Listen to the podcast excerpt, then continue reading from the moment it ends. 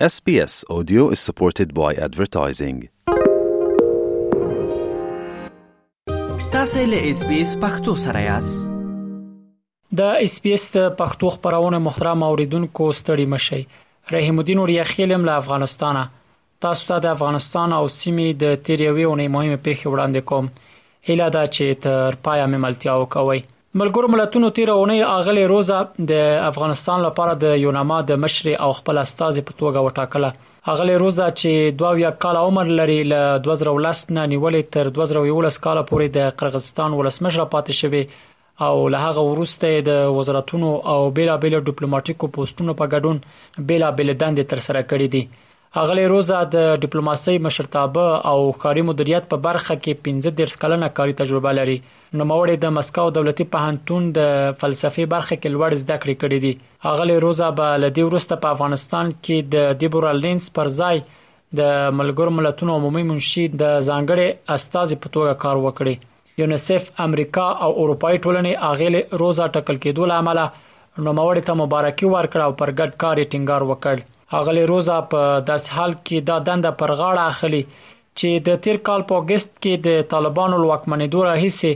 په افغانستان کې د ښځو او نجونو حقونه په بې ساري ډول اغیزمن شوي دي.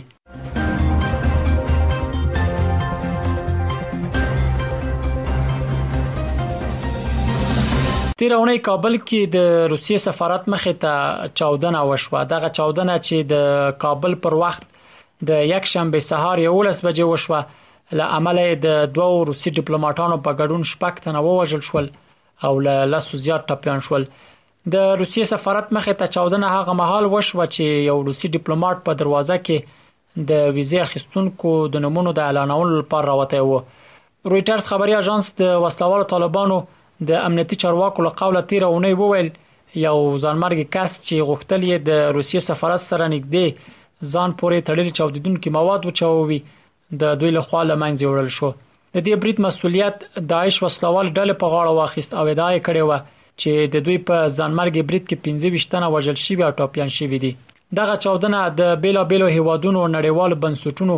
له لوري په کلکه وغندل شو او له واکمن چارواکو وغوښتل شول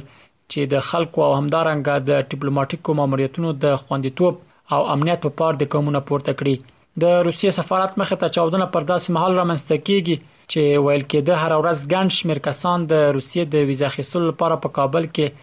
د دغه هیواد د سفارت مخ ته راټولیدل تر دې برید وروسته د روسیې د بهرنی چارو وزارت په کابل کې خپل قونسلي خدمات تر امر ثاني پورې ځنډولې دي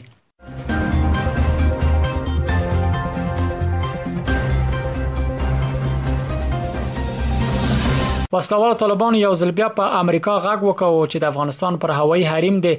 ل تیری کولو لاس واخلي د دې ډلې د بهرنی چارو وزارت چارسمبال وزیر امیر خان متقی تیرونی په یو ناسته کې وویل چې دا له دوه تړون څخه سرغړونه ده او په خبره دوی د تړون تجمن پاتې شوې دي نو ځکه له امریکا هم غواړي چې په خپل کړو ژمنو ودرېږي خاغلی متقی همدارز وویل چې په ځینو ناستو او یا د بهرنۍ هیوادونو له استادو سره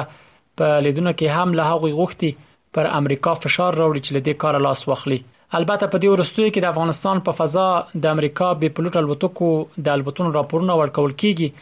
او تیر اونۍ پر خواله رسنیو ځینې داسې ویډیوګانې هم لاس په لاس شوې چې په یو نامعلومه سیمه کې د طالبانو نظامی کسان د اسمان په لوري ډزې کوي چې ګواکې یو ډرون الوتکه وولي د رپورټونو لمخې د الزواهری تر وژل کېدو وروسته تازه یو اونۍ وړاندې کابل کې په ورته یو بل برید کې القاعده ته نږدې د یو کس د وژل کېدو ادعا شوې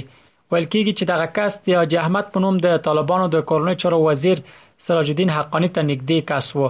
امریکا د افغانستان پر فضا وخت نا وخت د خپل بې پلوټ الوتنو په اړه تازه څه نه دی ویلي خو په تیره کې په ډاګه کړي چې که څه هم له افغانستان وتلی خو د اړتیا په صورت کې حالت ته د ترهګرۍ پر ضد عمل کوي.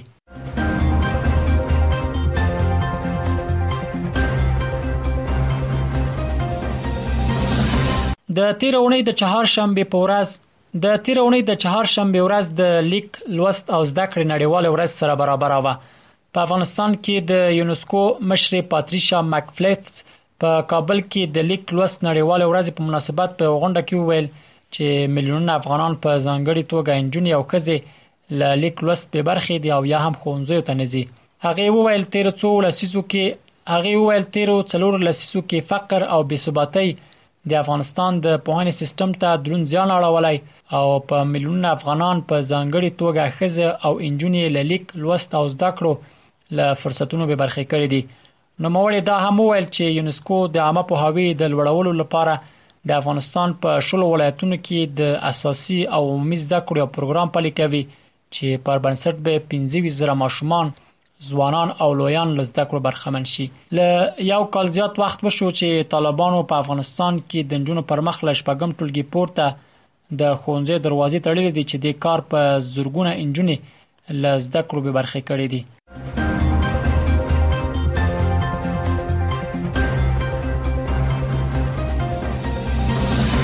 د دې اونۍ د پای موضوع هم دا چې د بشري حقوقو 22 بیلابل مدافع سازمانونو او بنسټونو تیر اونۍ د ملګرو ملتونو د بشري حقوقو شورا ته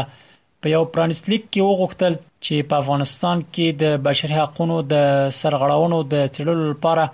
د یو لوی ټیم د استولو پریکړه وکړي په دې لیک کې چې د غنو نړیوالو او کورنۍ سازمانونو په همغږۍ لاسلیک شوی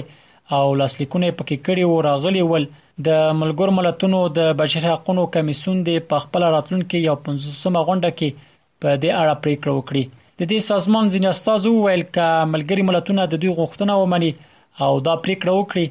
د افغانستان د بشري حقوقو او خوځو د وضعیت په اړه به نړیوال پام زیات شي په دې لیک کې همدارس ټینګار شوی وو چې په افغانستان کې د بشري حقوقو لپاره د ملګرو ملتونو د ځانګړي راپور ورکوونکي ریچارډ بن دند د هم تمدید شي دوی دغه شان د ملګرو ملتونو د بشري حقوقو شورا او د ځانګړي راپور ورکونکو لخوا د تازه معلوماتو چمتو کولو غوښتنه هم کړې و ټاکل شوې د سپټمبر په 12مه نیټه د ملګرو ملتونو د بشري حقوقو شورا خپل یو 15مه غونډه جوړه کړي او په دې غونډه کې د افغانستان بشري وضعیت په اړه پکې ځانګړی بحث وشي طالبانو له تیر یو کال د زیاتې مودې واکمنۍ راهیسې افغان ښځې له کار کولو منې کړي مخ پټول یې پرې جبري کړي او له شپږم ټولګي پورته د نجونو پر مخ هم د ښوونځیو دروازې تړلې دي چې د کار په نړیواله کچه خبرګونونه راپارولې دي. دا ول د افغانستان او سیمې د تیر یوې اونۍ مهمې پېښې چې ما تاسو ته وړاندې کړې. تر بیا ښې چارې. که غواړئ دغه سنوري کیسې هم او رینو د خپل پودکاسټ ګوګل پودکاسټ یا هم د خپل خاكي پر پودکاسټ یو اورئ